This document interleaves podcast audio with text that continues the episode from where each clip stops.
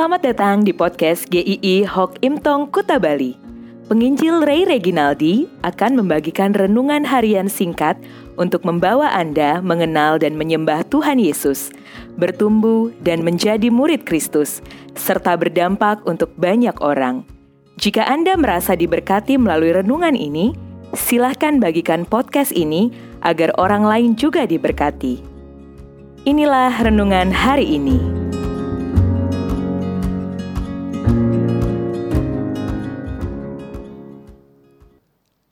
Tetapi Mazmur 55 ayat 23 Serahkanlah kuatirmu kepada Tuhan, maka ia akan memelihara engkau.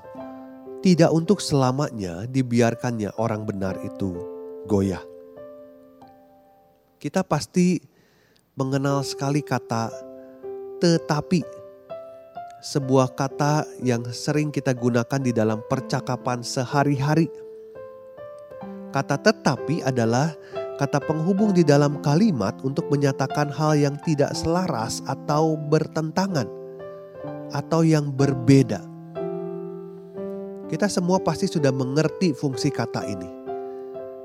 Namun kata ini juga memiliki keistimewaan tersendiri di dalam Mazmur ini.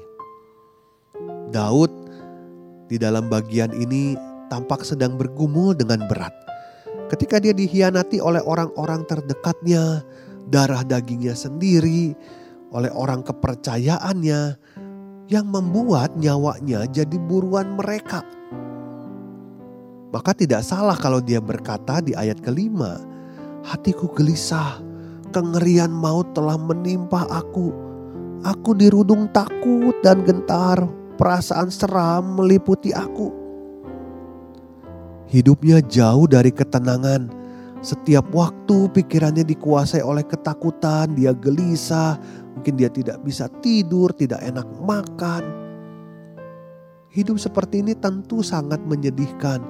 Hari-hari yang dilalui tanpa kedamaian, melakukan apa pun susah hatinya. Kita pun mungkin ada kalanya tidak tenang menghadapi hari-hari Permasalahan begitu menguasai pikiran kita. Saat menjamkan mata di tempat tidur, masalah itu terus berputar dalam pikiran kita. Ketika terbangun, kita juga memikirkannya lagi. Kegelisahan itu menguasai kita karena ketidakberdayaan kita untuk menyelesaikannya.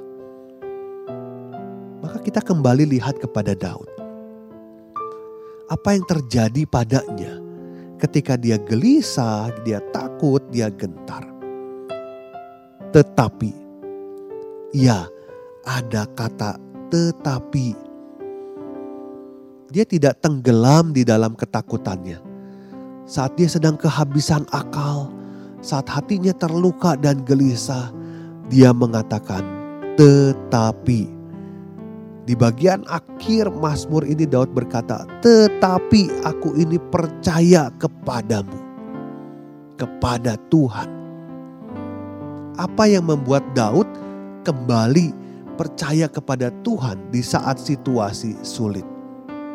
Pertama, Daud berseru kepada Tuhan.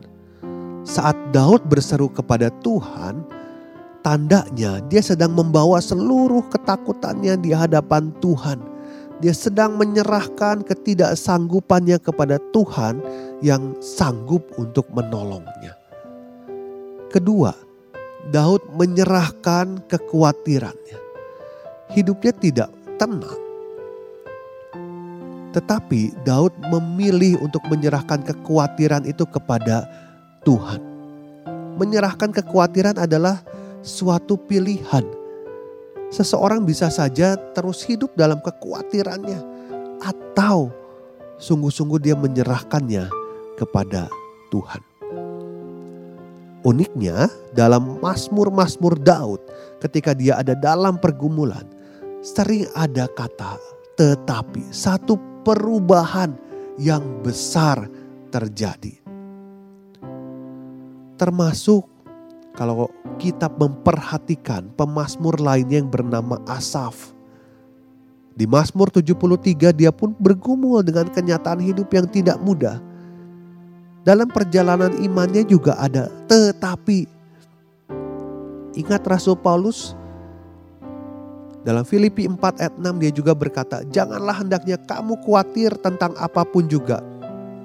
Tetapi nyatakanlah dalam segala hal keinginanmu kepada Allah dalam doa dan permohonan dengan ucapan syukur."